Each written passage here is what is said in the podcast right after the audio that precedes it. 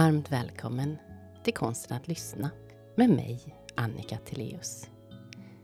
Till detta samtal har jag bjudit in Henrik Mattsson som är en av Sveriges mest efterfrågade föreläsare när det gäller konflikt och konflikthantering.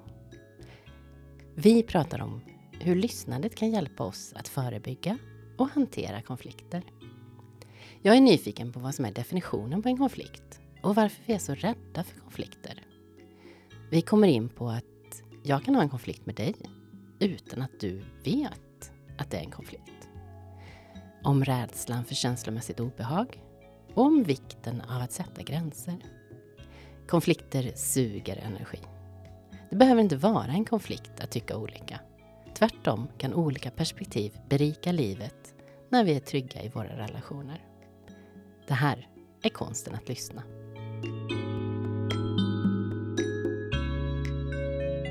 Innan jag börjar så har jag en ritual. Jag har en poddbön och den går så här. Jag bjuder in den klokaste delen av mig till detta samtal. Låt mig vara öppen, äkta och närvarande. Låt samtalet vara varmt, utforskande och fullt av tillit. Låt oss ta fram det bästa i varandra och välkomna det som sker. Låt detta samtal bli ett fint minne som vi skapar tillsammans, här och nu. Wow! Ja, vad fint. Tack. Vad händer i dig? Jag blev eh, lite överrumplad, tror jag, eh, av att eh, vi nog tjänar på att förstrukturera möten i allmänhet eh, på ett sätt som gör att alla liksom är med på, på upplägg och sånt. Jag blev lite ja, överrumplad, men det var jättefint. Mm. Känns jag, bra. Jag pratar ofta om eh, när jag är ute med grupper att vi bestämmer tid och plats, mm. men väldigt sällan ton och tempo. Just det. Och vad händer när vi träffas i samma tempo? Mm. Ja. Det, ja. Varmt välkommen Henrik Mattsson. Nej, men tack så hemskt mycket. Fint att få här. Ja, det känns jättekul att ha dig här. Vi har en tanke om att prata om konflikter. Mm. Håller du med om det? Det håller jag med om. Ja. och konflikter och lyssnande. Mm. Vad är en konflikt? Ja, det är en jättebra fråga. Det är också just. Um, för där råder det också ganska stor förvirring, uh, upplever jag det som. Uh, jag har en liten anekdot på det faktiskt. Uh, för några år sedan så blev jag uppringd av en, eh, en HR-chef på ett företag som beskrev att de hade en situation där tre chefer i ledningsgruppen hade svårt att samarbeta mellan sig och svårt att kommunicera och de hade själva kommit till insikt om att det här, det här funkar inte, vi måste ha hjälp.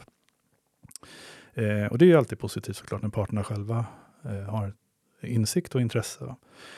Eh, så hon undrade om jag kunde komma dit och, och, jobba med dem och då sa jag jo men det kan jag absolut tänka mig att göra, eh, men då vill jag träffa dem en och en först. Och så kommer jag ställa samma frågor till alla tre. Eh, jag vill höra vad de svarar på de frågorna utan, utan att de är påverkade av varandras svar, för då kan vi ganska snart se vad, vad tycks det råda en samsyn runt och, och, och vad kanske vi behöver inrikta oss mer specifikt på. Då. Och då kom jag bland annat till just den här frågan. Vad är en konflikt? Och jag fick tre vitt skilda definitioner av begreppet. Eh, och då följde jag upp frågan och sa, har ni mycket konflikter?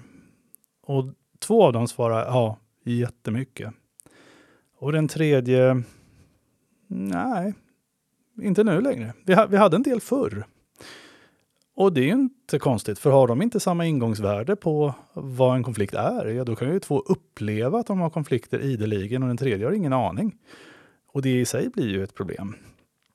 På tal om det här med förstrukturering, är vi med på samma villkor? Har vi gjort upp med varandra hur vi ska ha våra möten med varandra och så vidare?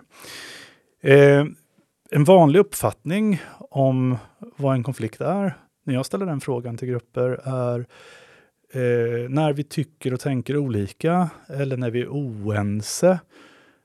Men det är ju ingen konflikt. Utan eh, eh, eh vi börjar snarast uppmuntra till oliktänkande och ta tillvara på oliktänkande. Utan det handlar väldigt mycket om vad vi gör av det. Det kan leda till att vi får en konflikt. Men att vi tycker och tänker olika i sig är ingen konflikt. Om jag får för mig att varje, varje fråga är viktig, att du tycker en sak och jag tycker något annat och jag får för mig att nu måste jag omvända dig. Ja, då kan det bli en konflikt. Men här handlar det väldigt mycket om att vi behöver lära oss att välja våra strider. Alltså vad är viktigt att ta ställning kring? Och, och vad kan vi bara liksom konstatera? Ja, då ser vi olika på saken och, och så värdefullt hur vi kan liksom ha olika synsätt och hur vi kan komplettera varandra och så vidare. Så den definitionen jag har valt att använda, den säger att en konflikt är varje gång som ett behov eller en vilja som någon driver blir blockerad. Det vill säga när helst jag har ett behov eller en vilja som jag driver som blir blockerad, då uppfattar jag att då har jag en konflikt. Eh, sen kan vi dela upp det och säga att jag konflikter kan ju också bo på insidan. Det finns kollegor som menar just att deras definition av konflikt är att det är obehagskänslan som är förenad med konflikten. Eh, det vill säga, när obehagskänslan är borta, då är det inte längre en konflikt. Och det ligger såklart en hel del i. Va? Eh, och jag brukar säga om jag hade haft ett sånt här magiskt trollspö jag kunde svinga över dig som för all framtid tog bort obehagskänslan som är kopplad till konflikter. Eh, då, då, då, tror jag inte vi skulle uppfatta att konflikter är ett så stort problem som vi ofta upplever det att vara. Så en del av det här handlar ju väldigt mycket om att då lyssna inåt och förstå sina både åtkomstsignaler, att vi pratar mycket om att det är viktigt att och, och liksom behålla lugnet och, och eh, liksom vara kall och så vidare. Jo, det är lätt att förstå med intellektet, men när vi väl är i en konflikt så är det ju väldigt mycket eh, känslor och, och, andra intryck som, som tar över kontrollen över mig. Va? Så det är en ganska central del för mig när jag jobbar med det, att också då vara uppmärksam på vad jag har för egna behov och medvetandegöra det och sen lära oss då att säga ifrån istället för att säga emot. Det vill säga att sätta gränser, att kommunicera vad jag har för behov och viljor utan att det är synonymt med att jag måste angripa dina. Utan kan vi hitta en tredje väg som kan funka för båda? Och då måste jag också både vara intresserad av att lyssna på vad är dina behov? Vad är dina viljor? Mm. Och kanske hjälpa mig att förstå dem också. Verkligen. Och då kommer vi in på det här temat som du har intresserat dig för och fördjupat dig så mycket i, som jag också tycker är jättespännande. För att det är så mycket i konflikter som är dolt. Det är så mycket vi inte faktiskt vet.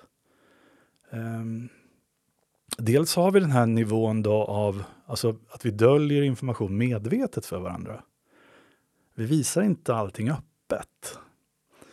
Eh, och, och där kan man se det, var, varför gör vi inte det? Det hade väl varit mer praktiskt om jag faktiskt kommunicerade och, och la upp allt på bordet. Men när jag gör det så blir jag också oerhört sårbar och då, då betyder det att här, här måste vi först bygga tillit i relationen och en trygghet att jag vågar. För vilka är det som oftast får se hela vårt register och alla våra sämsta sidor också?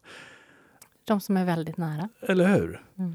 Eh, alternativt och de som vi faktiskt inte bryr oss någonting om. Va? Så det handlar väldigt mycket om hur mycket jag investerat i relationen, hur mycket jag törs visa. Det kan också handla om beroendeställning. Jag menar, på en anställningsintervju så visar vi upp det bästa av oss hela tiden. Eh, och sen får liksom det här andra som vi kanske också då bär på, det får sippra fram efter sex månaders provanställning eller någonting. Så att, säga. Så att eh, vi håller ju tillbaka med information, kanske för att vi skäms eller kanske för att vi är rädda för konsekvenser. Vi kanske är rädda för att inte få vara med. Eh, så det finns en massa sådana saker som vi då döljer. Sen har vi då den stora delen som du berör här, nämligen det vi omedvetet döljer. Eh, och det är en stor del i det här, för om jag inte själv riktigt förstår vad det är för behov jag har eller vad det är för tillfredsställelse jag söker, ja, då blir det banne inte alldeles lätt för dig att veta hur du ska bemöta mig heller.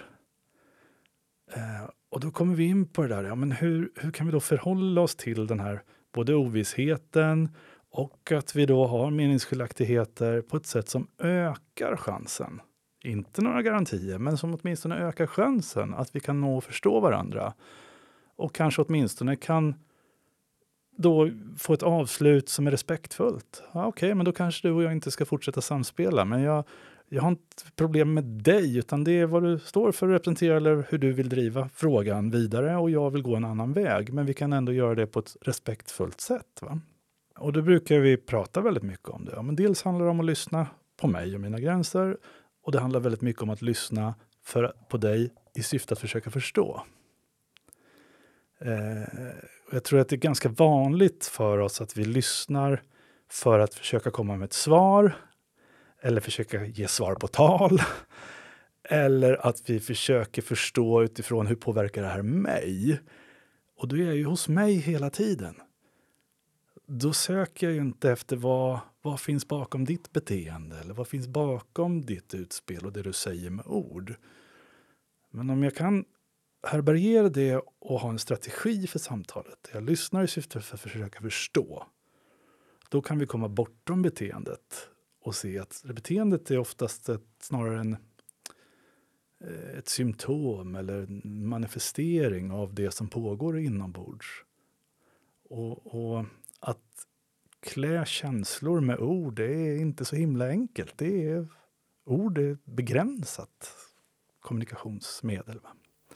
Jo, det verkar som att det är många som är lite rädda både för konflikt men också för känslor. Ja, visst är det så. Och där man ibland visar en känsla som inte är grundkänslan. Att man blir rädd för någonting men uttrycker sig som om man är arg. Ja. Eller att man egentligen är arg och vill sätta en gräns men börjar gråta. Mm.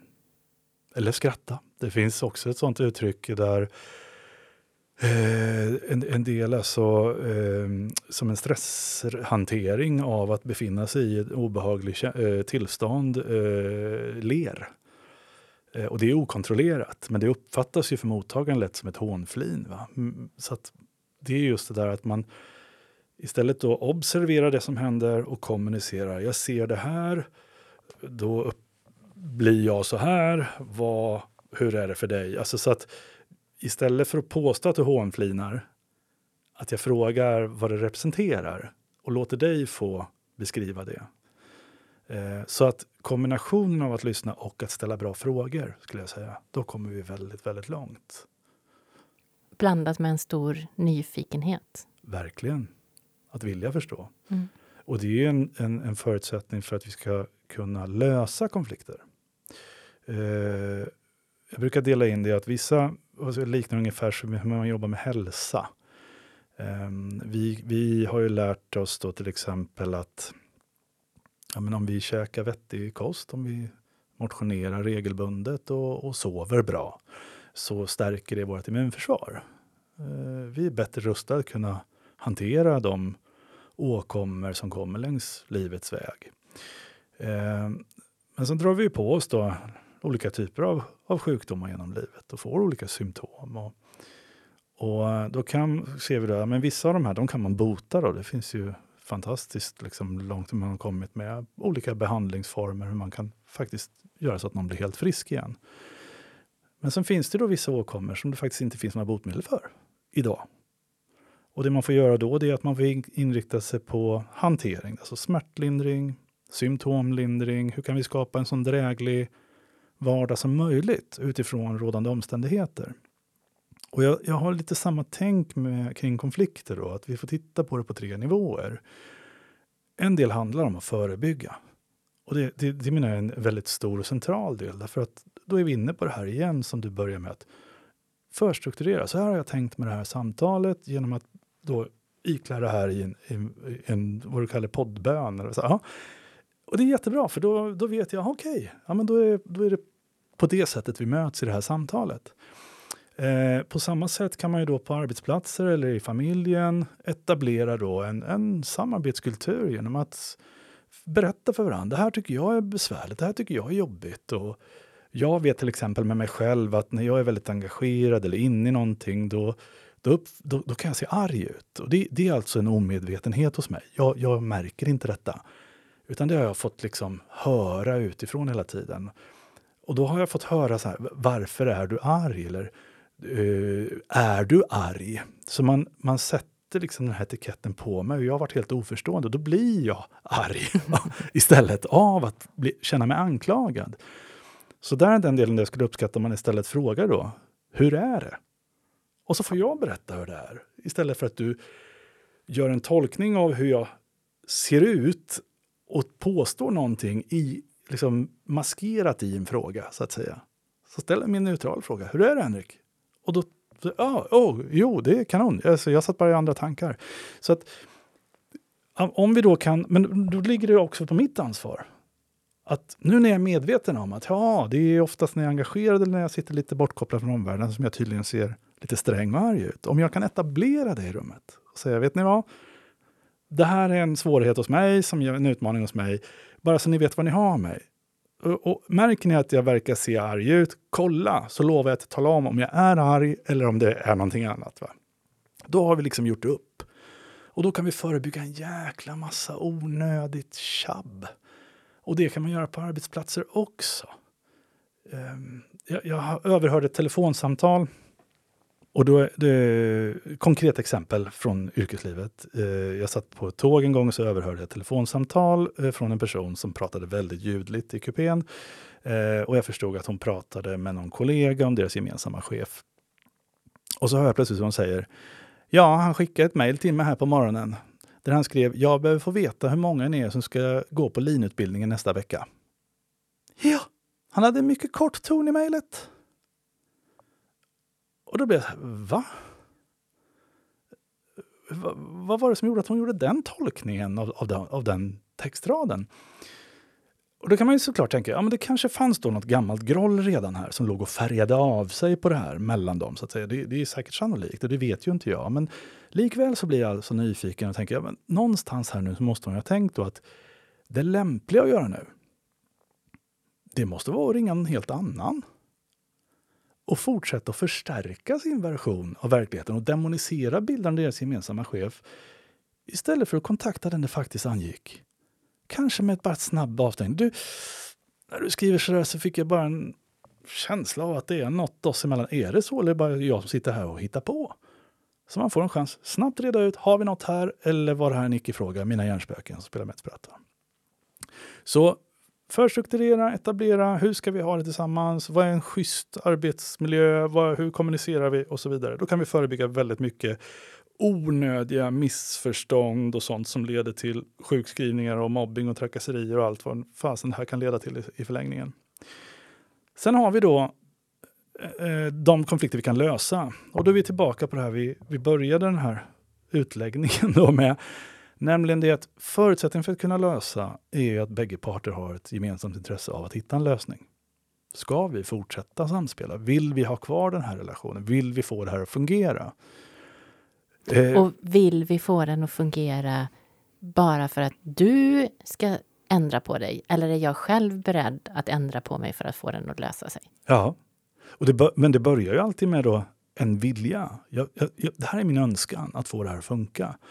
Men då måste vi mötas och reda i då, vad är jag villig att kanske göra för uppoffringar eller ändra på? Eller så kommer jag fram till motsatsen. Vet du vad, jag är inte villig att göra den förändringen. Och då kanske vi får avsluta den här relationen. Så att det är någonstans där att ingångsvärdet måste ändå vara att bägge parter eller alla inblandade parter då har ett gemensamt intresse av att vilja få det att fungera. Eh, annars kommer till exempel medling kommer inte fungera. Va? Eh, det räcker att en part inte har ett intresse av det, ja då, då är det ju dödfött. Så en del konflikter tvingas vi istället att hantera. Och den hanteringen... Så förbered... Eh, förebygga, lösa eller hantera. Bra. Mm. Mm. Och det jag jobbar väldigt mycket med då, det är förebygga och hantera. Eh, förr jobbade jag ibland som att sitta och, och, och vara medlande part och, och komma in i konflikt här, där och, och reda i det. Men andra gör det bättre. Eh, jag tyckte att det var ett resursslöseri att man, ofta hade man väntat alldeles för länge med att anlita någon utifrån. Och eh, det tog på mig att se alla de här eh, destruktiva relationerna och eh, hur mycket det kostade eh, alla parter inblandade. Så eh, jag blev inte inspirerad av det. Jag blev bara liksom nedstämd av det. Så då inriktade jag mig på förebygga och hantera i första hand. Eh, och i hanteringen så handlar det, om är tillbaka igen då med det här. Vad är det för verktyg vi har? Och väldigt mycket handlar om lyssna för att försöka förstå, ställ bra frågor. Ha en ömsesidig respekt, bygg tillit, bygg förtroende och trygghet. Då har vi kommit väldigt långt. Och då har vi större tolerans för varandras oliktänkande. Och så där. Vi behöver inte vara lika ängsliga för att skydda vår agenda. Så vi tjänar på att våga vara sårbara. Men då måste vi också etablera förutsättningar för det. Mm. Tänker att det är rätt mycket som påminner om varandra, både i det att hantera eller att förebygga? Mm. Verkligen. De sitter ju ihop. Så är det ju. I, I bägge fallen så handlar det väldigt mycket om hur, hur kommunicerar vi och vad har vi etablerat för, för typ av eh, kultur, Eh, vad har vi för gemensamma eh, värden? Det är ju bara att fråga egentligen vad, vad är det vi värderar i en relation rent generellt? Och ställer man den frågan så kommer du att få ungefär likvärdiga svar. Ja, men det är någon som är bra på att lyssna. Eh, det är någon jag känner mig trygg med. Eh, det är någon som eh, accepterar mig för den jag är. Det är någon som eh, eh, våga bjuda på sig själv. Det är någon jag kan skratta med, det är någon jag kan gråta med. Alltså det är den typen av svar man får. Mm. Och det kan vi etablera på en arbetsplats också. Skiljer det sig om det är en konflikt på en arbetsplats eller om det är i en närmare relation? Jo, det gör det ju. Um, både ja och nej kanske jag skulle säga. Därför att det som skiljer framför allt, det är vad bråkar vi om? Och var bråkar vi någonstans? Alltså var är själva arenan? Hur vi bråkar, det är ganska snarlika repertoarer egentligen. Eh, så, så det finns inte så himla många konfliktstilar. Däremot så finns det olika grader, alltså nivåer på hur starkt jag kanske argumenterar eller hur, hur ljudligt jag gör det beroende på, jag menar på en arbetsplats till exempel, så kanske jag är i beroendeställning. Eh, och då beror det på då hur, hur mycket jag kanske vågar ta plats eller ta för mig, eller ens har möjlighet att ta plats och ta för mig beroende på var jag är i hierarkin och sådana saker. Varför är vi så rädda för konflikter? Ja, det där finns det också väldigt många svar på. Um, dels så tror jag att det beror på lite vem du frågar som individ. Men om man tittar rent mänskligt, för alla är ju inte rädda för konflikter. Men jag tror att i grunden är vi det. Eh, jag tror att vi är fler som är rädda för konflikter än som söker konflikter. Det är också min erfarenhet. Eh, så det är inte bara vad jag liksom tror, utan vad jag möter. Eh, och då, då, finns det olika saker, men om man går rent mänskligt så, så är det så att vi behöver varandra för att överleva. Alltså om man går så djupt på det. Eh, så det handlar väldigt mycket om sådana saker som att inte stöta sig med flocken, för att då kanske jag blir utesluten ur flocken och sådana saker som är på väldigt djupt liksom, programmerade primitiv nivå. Då.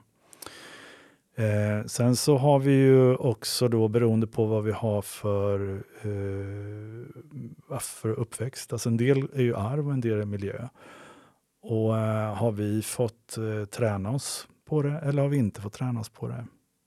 I vissa kulturer eh, tror jag vi svenskar skulle bli lite skrämda av deras sätt, eller jag vet att vi blir lite skärrade många gånger, att, att eh, man är väldigt yvig och högljudd och, och så vidare. Och att för, för oss svenskar är det obekvämt, medan för dem är det det naturliga sättet att diskutera saker på, så att man har inte samma ängslan för det. Eh, och vi behöver inte resa så himla långt. Vi kan åka till, till Danmark så är man mer konfrontationsbenägen och, och i Tyskland är, är, är, ännu mer. Va? Så det finns också tradition och kultur och jag tror att det vi får träna på, det blir vi bra på. Eh, och är vi då uppväxta i en kultur och en miljö där vi lite grann då är fostrade till att vara återhållsamma och ängsliga så väcker det också den här känslan av olust. För vi säger till exempel att vi är mörkrädda. Men det är inte riktigt sant. Eh, för vi är inte rädda för mörkret, utan det vi är rädda för det är det som döljer sig i mörkret. Alltså det vi inte har kontroll över. Och så kan det ju vara när man går in i en konflikt, att man, man oroar sig för vad, vad ska det här leda till? Vad ska, vad ska hända? Och hur, män som är konflikträdda har ofta haft då den här känslan av att vittnesuppgifter då som, som säger att konflikträdda män sticker för att de vet inte hur länge det ska pågå. Eh, alltså, och då hoppas man någonstans att om jag, om jag undviker det här nu så kanske det har gått över, så att säga. Och det gör det ju inte, utan vi behöver ta i problemet. Eh, så, så det finns säkert, men, men kokar man ner allt det här så handlar det om olika typer av, av, av rädsla för att bli utesluten eh, och rädslan för det ovissa, alltså det jag inte har kontroll över. När vi känner oss trygga mm. och vågar, vågar tycka olika mm. då är ju inte en meningsskiljaktighet så farlig. Verkligen inte. Utan då kan vi ju till och med berika varann och se att wow, jaha, ser du det så här? Eller hur? Eh, en person som har inspirerat mig väldigt mycket för att själv träna på att förhålla mig så är en man som heter Lars-Erik Unestål. Eh, för jag märkte att när, när människor, inklusive jag själv, ifrågasatte någonting eller kanske had, kom med en annan, en motsättande idé eller tanke eller uppgift så har han en förmåga att svara Jaha, intressant. Ja, berätta mer.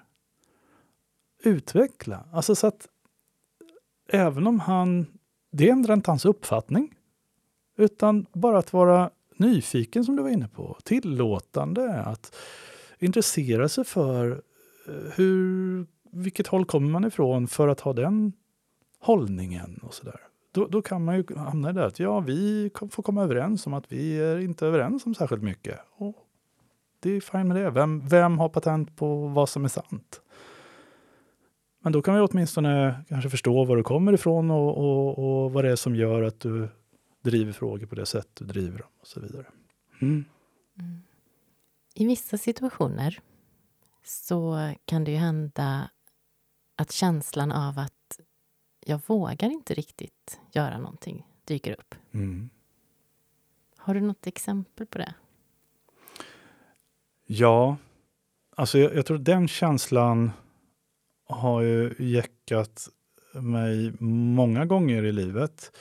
Eh, och du pratar ju om det här med att ibland så kan man ha en känsla Eh, kanske att man är arg men så kommer det tårar istället. Man bör gråta istället. Och jag nämnde det här med att man kan le och så vidare. Och det är liksom responser, då, alltså kroppsliga sensationer av att känna obehag. Va? Eh, och, och, det leder lätt till att vi blir alltså, blockerade och paralyserade. Och jag, jag har en sån händelse där jag upptäckte att jag hade kommit en bit i min utveckling för, från att då ha varit, alltså sticka åt andra hållet när det hettar till. Eller, eller då, eh, som jag också har gjort misstaget av att vara den som liksom går till anfall om, om det blir någonting, va? Som om det är någon orättvisa och sådär. Men då satt jag, jag satt på tunnelbanan faktiskt eh, här i Stockholm, eh, ganska många år sedan, men då inträffade en händelse. Jag, jag sitter i, någonstans mitt i vagnen och så när vi stannar till då på någon av stationerna så eh, kliver det på tre damer, tre äldre damer. Eh, den ena eh, har rullator och hon ställer ifrån sig den här rullatorn eh, vid den här skärmväggen som finns i ena änden på tågen. Då. Och hennes väninna hjälper henne att sätta sig och så sätter de sig tillsammans då. Eh, och eh, vid nästa station så kommer det på en man som jag uppfattade ha någon form av blandmissbruk. Han hade massa sådana symptom som, som gjorde att jag eh, uppfattade det. Och eh, han eh, sattes på andra sidan gången och direkt så gick han till verbalt angrepp mot de här damerna. Han kallade dem för en rad olika oförskämdheter och gjorde liksom ja, men hotelser och sådana saker. Och jag kände direkt hur jag, jag började koka, jag var arg och jag ville liksom konfrontera honom. Men så inser jag, just det här då, jag, jag vågar inte. Jag törs inte. Va, va, det är så lätt att man målar upp då som katastroftankar. Vad ska hända då? Vad sätter jag mig i för, för situation? Och när jag var yngre, då hade jag liksom då hade jag varit med om att jaga en, en, en, en person som kom in och rånade en restaurang under lunchtid med, alltså, och, och sprang efter. Liksom, jag hade inte förståndet att förstå, herregud vad satte jag mig i för situation när jag försökte brotta ner den här människan. Jag kan inte brottas. Men den, den spärren hade jag ändå hunnit etablera nu så fort han började skrika på de här damerna, så två av dem de, de lämnade sina platser då och gick och satte sig mitt i vagnen. Men den här stackaren med rullatorn, hon, hon, blev liksom fast där, för hon kunde inte resa sig själv. Och då insåg jag att om jag då hjälper henne istället. Så jag gick fram och så sa jag, behöver du min hjälp? Och då svarade hon, ja tack. Och då kunde jag liksom hjälpa henne då att komma bort ifrån honom och sätta sig hos sina kompisar. Och så fick han väl vara kung i sitt hörn där då, i sitt liksom, tillstånd. Eh, och sen så när vi kom till nästa hållplats så fick jag syn på två, på två väktare som gick på perrongen som jag kunde liksom gå av och, och, och ropa in då, så att de fick komma och, och, ta hand om honom så han också fick, fick hjälp. då.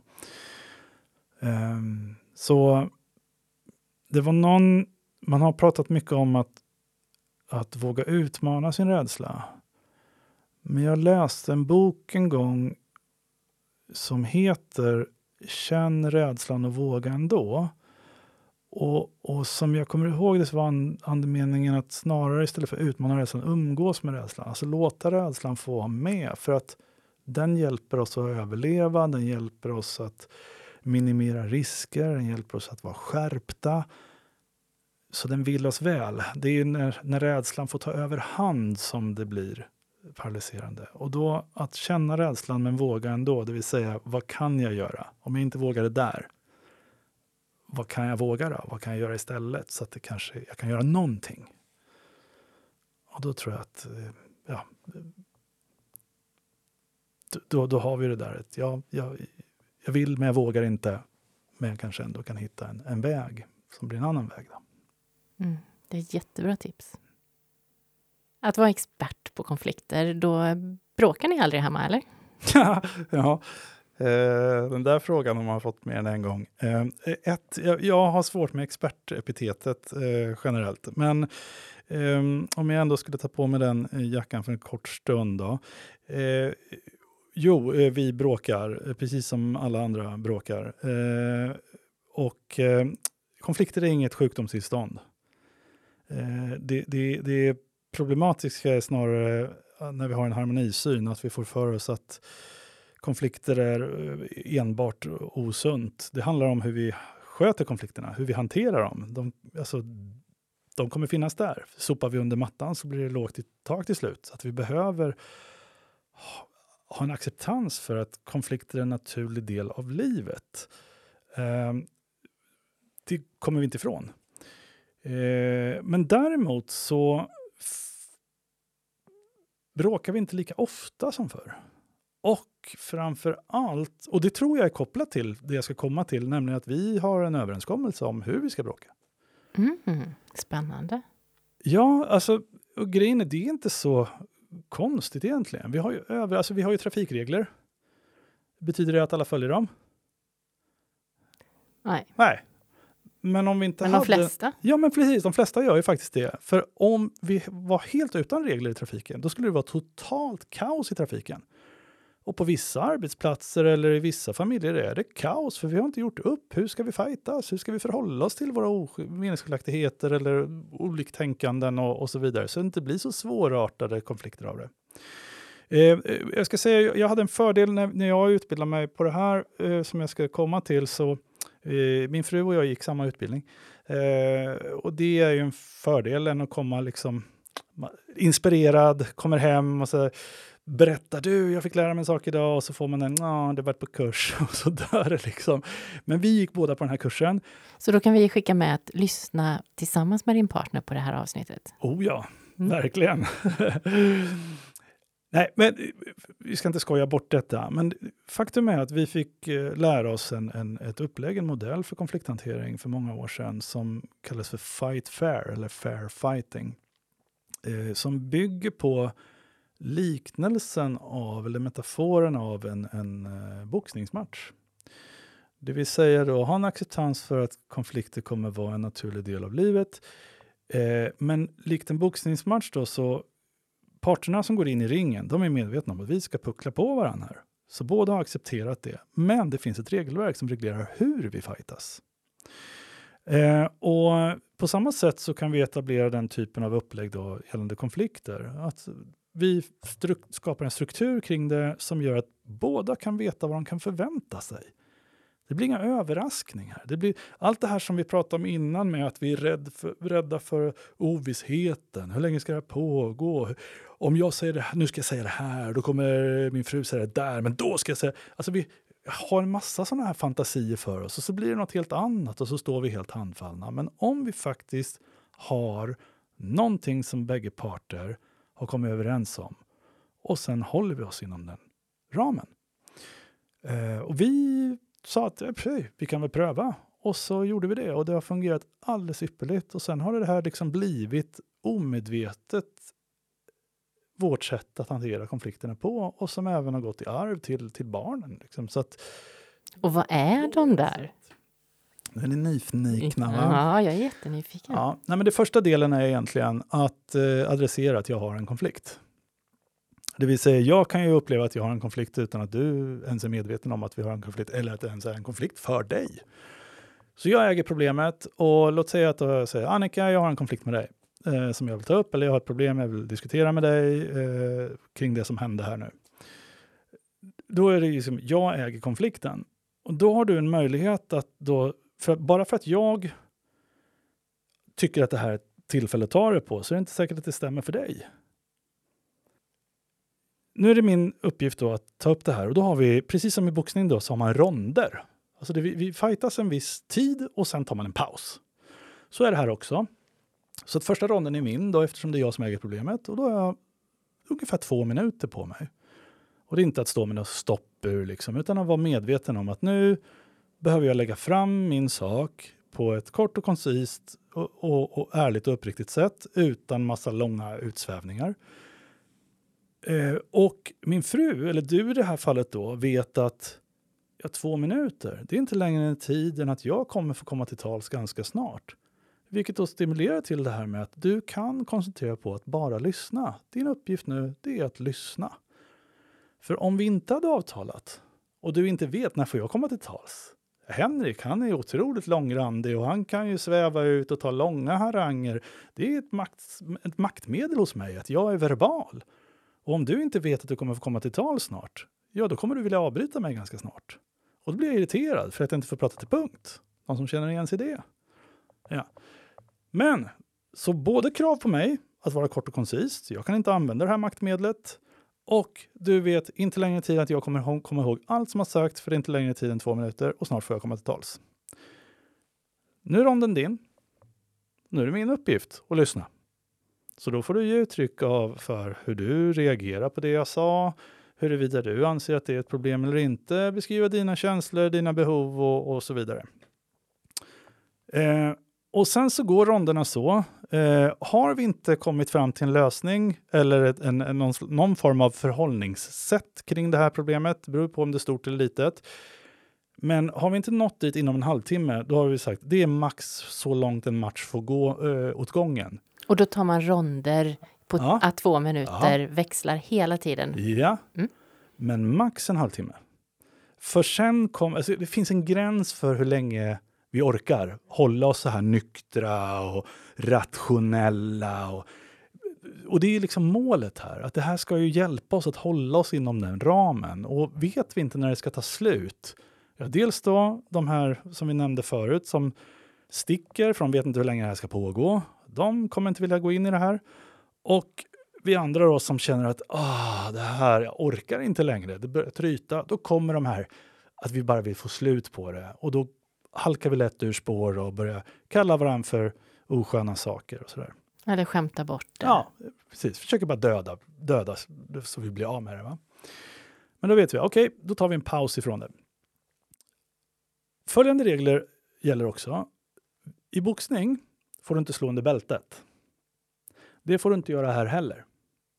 Så inga taskigheter, inga eh, undermineringar eller förolämpningar i syfte att få den andra att känna sig dum eller förminskad eller, eller tillplattad. I grund och botten så vill vi ju få till stånd och att det här ska leda till att vi utvecklar vår relation. Och det har ingen plats där då, utan respektfullt, konstruktivt, sakligt. Eh, ytterligare en regel som är jättebra för mig, det är att vi måste hålla oss i nutid och framtid. det är bra för mig därför att jag är en sån här person som glömmer väldigt fort. Men om du då är en person som kommer ihåg allt och, och liksom samlar på dig oförrätter, då har du ett vapen där som du skulle kunna använda i syfte att platta till mig och förminska och fördumma mig. För, det vi... för så här har du ju gjort ja, många gånger. Det, det här var ju inte första gången du gjorde så här. Exakt. Det är jätteofta som det här har hänt tidigare. Ett, har du inte tagit upp det tidigare så kom inte dragandes med det nu, för du har inte gett mig en chans att ens med, bli medveten om detta. Eh, nu är nu. Det kan jag förhålla mig till. Jag kommer inte bli mer samarbetsvillig för att du gör bort mig och raddar upp alla andra gånger jag har klantat mig. Två, framtiden kan jag vara med och forma. Så nu är nu och framtiden kan vi vara med och utveckla. Det stimulerar då till att hitta en väg som... Och sen kan man då helt enkelt se att om det här upprepar sig. Okej, okay, nu har vi pratat om det här en gång, nu händer det här igen. Då, då får man ju hänvisa då till det, man gör en återkoppling till ett samtal vi har haft. Och så får man titta på nya då, eh, sätt att förhålla sig till det på. Så det, det, är bara några enkla regler och det här var liksom modellen så som vi fick lära oss den. Sen kan man ju liksom anpassa den här och så vidare. Men det blev liksom ett naturligt sätt och det har också lett till att vi väljer våra strider. Att man redan innan liksom funderar på, är det här ett stort problem och är det ett problem för oss alla eller kanske jag som behöver faktiskt öka min tolerans eller acceptans för att vi kan vara olika eller vad det nu skulle kunna vara.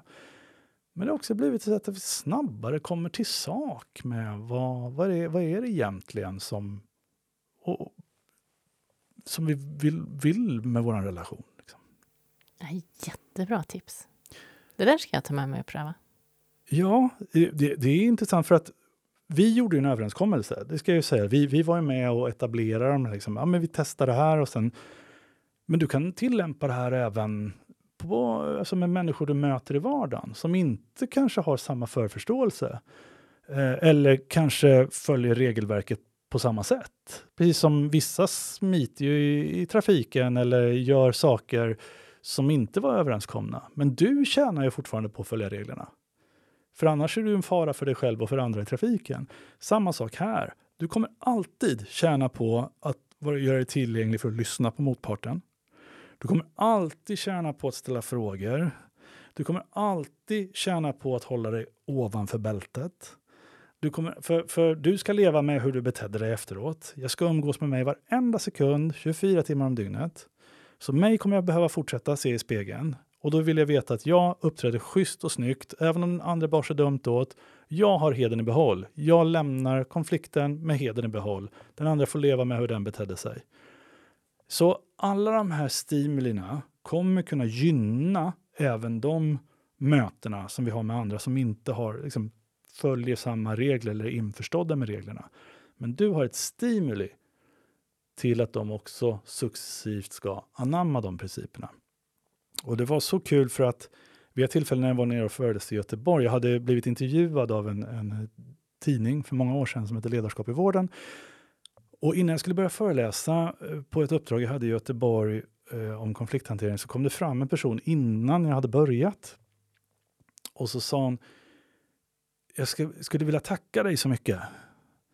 Och, och jag säger, jaha, jag har inte börjat än. Så, Nej, men jag, jag läste den här intervjun med dig i, i den här tidningen och jag har försökt få till stånd ett samtal med min chef under så lång tid och han tar sig aldrig tiden och han bara liksom avfärdar.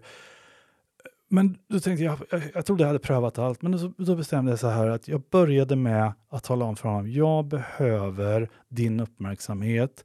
När har du 20 minuter till mig? Och då sa han, jag, hinner inte nu. Nej, men när? Ja, men kan vi ta det imorgon? Ja, när imorgon? Ja, men jag har, jag har 20 minuter klockan två, eller vad det nu var hon sa. Då. Hon sa, det var första gången på flera år som han har satt sig ner och tagit sig tiden för att verkligen lyssna. Och han tog emot det på ett sånt bra sätt så att vi har, det här har lett till att jag, jag var på väg att säga upp mig, men det här har liksom lett till att vi har fått en jättebra relation efteråt. Och han var inte införstådd med reglerna, men hon körde den här modellen. Och hon sa att det vart så bra. Han tog emot det så bra. Han gick inte i försvarsställning, han avfärdade mig inte. Så, ja, återigen. Fantastisk tips. Jag har ett medskick till dig som lyssnar. Att fundera på när det är en konflikt, en situation som du upplever som jobbig. Vart står du i den här? Är du beredd att göra någon form av förändring för att lösa konflikten? Och jag tror inte att vi kan prata om konflikter utan att faktiskt prata om tvättstugan. Och arga lappar i tvättstugan. Vad är det som händer där? Ja, jag kommer ihåg att en av mina lärare i, i konflikthantering, eh, heter Thomas Jordan, nämnde någon gång att det här med kaffekoppen i fikarummet och sånt där också, liksom det, det kan gå så djupt ner alltså när man tittar, alltså man, man gräver i vad ligger bakom att man blir så himla upprörd över vissa sådana här triviala vardagsting så, så är vi tillbaka där igen. Att det handlar, man kan dra det så långt som till överlevnad. Jag ska inte tråka er med, med hela den harangen, men jag kan bara se att det jag fortfarande har svårt att, att, att, hantera eller acceptera, det är att människor inte tar hänsyn. Så har vi gjort en överenskommelse i tvättstugan att så här ska det se ut och folk liksom skiter i det, då blir jag också störd. Och vet jag inte då vem det är som, som inte har följt kontraktet men som går ut över mig, ja, hur ska jag kommunicera det på ett annat sätt då? Jag kommer ihåg en, eh, jag bodde på ett annat ställe för många, många år sedan, där det var en lapp i tvättstugan. Du som tog mina glasögon. Jag såg dig. Lämna tillbaks glasögonen omedelbart. Oj. Och, och jag, jag blir så nyfiken i det här. Men om du såg den som tog glasögonen, ja. varför går du inte upp och ringer på? Ja. Och varför tror du att den personen med... Nu läste jag ju lappen som att den var lite arg. Ja. Men tänk om den här personen, oj, här ligger det par glasögon, jag tar hand om dem. Och det är ju väldigt stor skillnad. Hur väljer jag att tolka att någon har tagit mina glasögon? Har jag dessutom sett vem det är? Varför konfronterar jag inte den personen? Eller inte konfronterar, utan bara söker upp och säger Hej, vad bra att du tog hand om mina glasögon. Det här är ett jättebra exempel på det här med det är så lite vi vet. Det är så mycket vi fyller i, försöker fylla i de här luckorna genom att istället för att alltså, ta reda på hur det faktiskt förhåller sig, skapa en kontext. Eh, och så blir det liksom en vald sanning och så driver vi det som om det är på det sättet. Men alltså sådana här lappar, i det här fallet så är det ju verkligen som du säger att ja, du har alltså sett vem det var. Då kommer vi in igen då på kanske på, ja vad kan det handla om, jag kanske inte vågar igen då. Jag vågar skriva en lapp eh, som är anonym. Det här förekommer på arbetsplatser, att jag får anonyma lappar det säger ju en del om mognaden på en arbetsplats när någon lämnar en anonym lapp om hur det förhåller sig istället för att då komma fram och berätta sin eh, upplevelse, sin verklighet för mig så att vi kan följa upp det för en anonym lapp. Vad ska jag göra med den? Jag, jag kan inte göra någonting med den. Vi kan inte följa upp den, för vi vet inte var det kommer ifrån och vi vet inte om det finns de här påståendena har någon bäring överhuvudtaget. hur ska vi kunna kontrollera det? det är, man gör liksom undersökningar om den psykosociala arbetsmiljön fortfarande 2023 eh, på så vis att man låter människor få eh, uttrycka sig. Eh, jag tycker att gör, en, gör, en, gör som man gör liksom i vården, att ta, ta, ta, ta tempen. Alltså med en febertermometer. Det, det enda du får veta då är att ja, du har feber. Sen börjar man en utred, utredning. För, för den, den, indikerar ju bara att här har vi ett problem.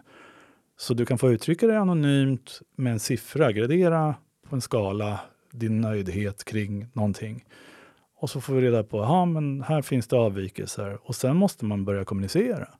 För om någon har fritt spelrum att anonymt få påstå saker om någon annan, vad ska vi göra med den informationen? Det skapar, kommer vi närmare tillit då? Nej, utan vi kommer mer och mer till vi och dem och, och, och, vi vet inte vad vi ska göra med informationen eller vem vi ska söka upp för att få underlag för det. Eller vi kan inte få människor att mötas och reda ut det för ingen törs kommunicera eller ta ansvar för. Det var jag som hade den synpunkten.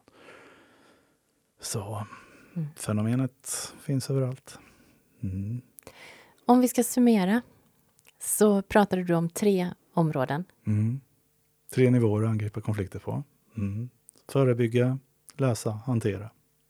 Och vad är viktigast på vägen? För mig blir det självklart att svara förebygga eftersom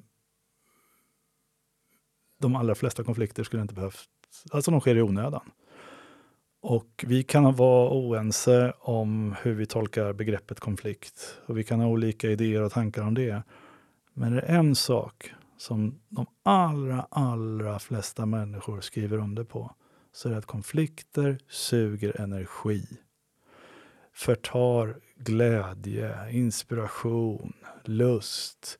Eh, det kan leda till eh, eh, sjukskrivningar, omplaceringar, nyrekryteringar. Det kostar tid och resurser som vi skulle kunna ha använt mycket bättre om vi hade just etablerat, förstrukturerat och förberett oss för både då att förebygga att vissa konflikter uppstår och ha en överenskommen handlingsplan för hur ska vi hantera de konflikter som ändå kommer att uppstå så att vi gör det lösningsorienterat med, på ett respektfullt sätt så att vi har en handlingsplan. Och hur viktigt är lyssnandet i de här faserna? Ja, det är helt centralt. Det är ju en förutsättning för att kunna söka förståelse. Det är också som kombinationen lyssna och lyssna nyfiket. Eh, lyssna både på vad omgivningen har för behov och viljor, men inte minst vad är viktigt för mig? Är villig att ta den här fighten? Eller kanske inse att nej, vet du vad, det här är inte viktigt för mig, så jag behöver inte strida för det här. Då har jag sparat både min energi och din energi istället för att söka en fight kring icke-frågor. Mm. Så lyssnar jag var jag tvungen att välja en enda sak som särskilt viktig när det gäller konflikthantering så, så är det alltid lyssna som jag kommer till. Det är svårt att välja en sak, men för mig är det det mest centrala. Det tycker jag blir en fantastisk avslutning på det här avsnittet. Tack för att du kom hit. Tack för att jag fick komma.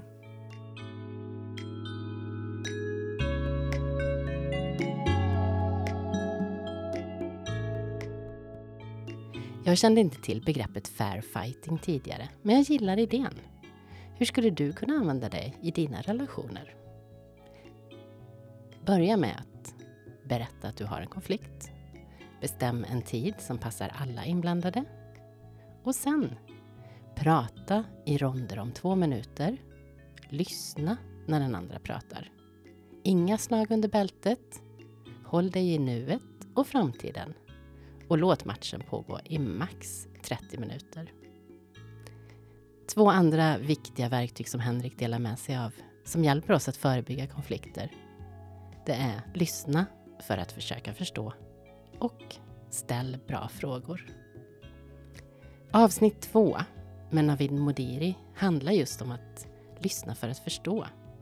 Och i avsnitt sju med Christian Windahl får du många tips om hur du ställer bra frågor. Har du feedback på avsnittet så kan du mejla till feedback Dit kan du också skriva om du vill boka mig som föreläsare, kursledare eller för att leda utvecklingsprocesser. Du har väl inte missat att Konsten att lyssna även finns som bok? Vill du att fler ska bli bättre på att lyssna så tipsa gärna om podden. Du kan också ge betyg på Spotify eller där du lyssnar på poddar. Tack för att du har lyssnat.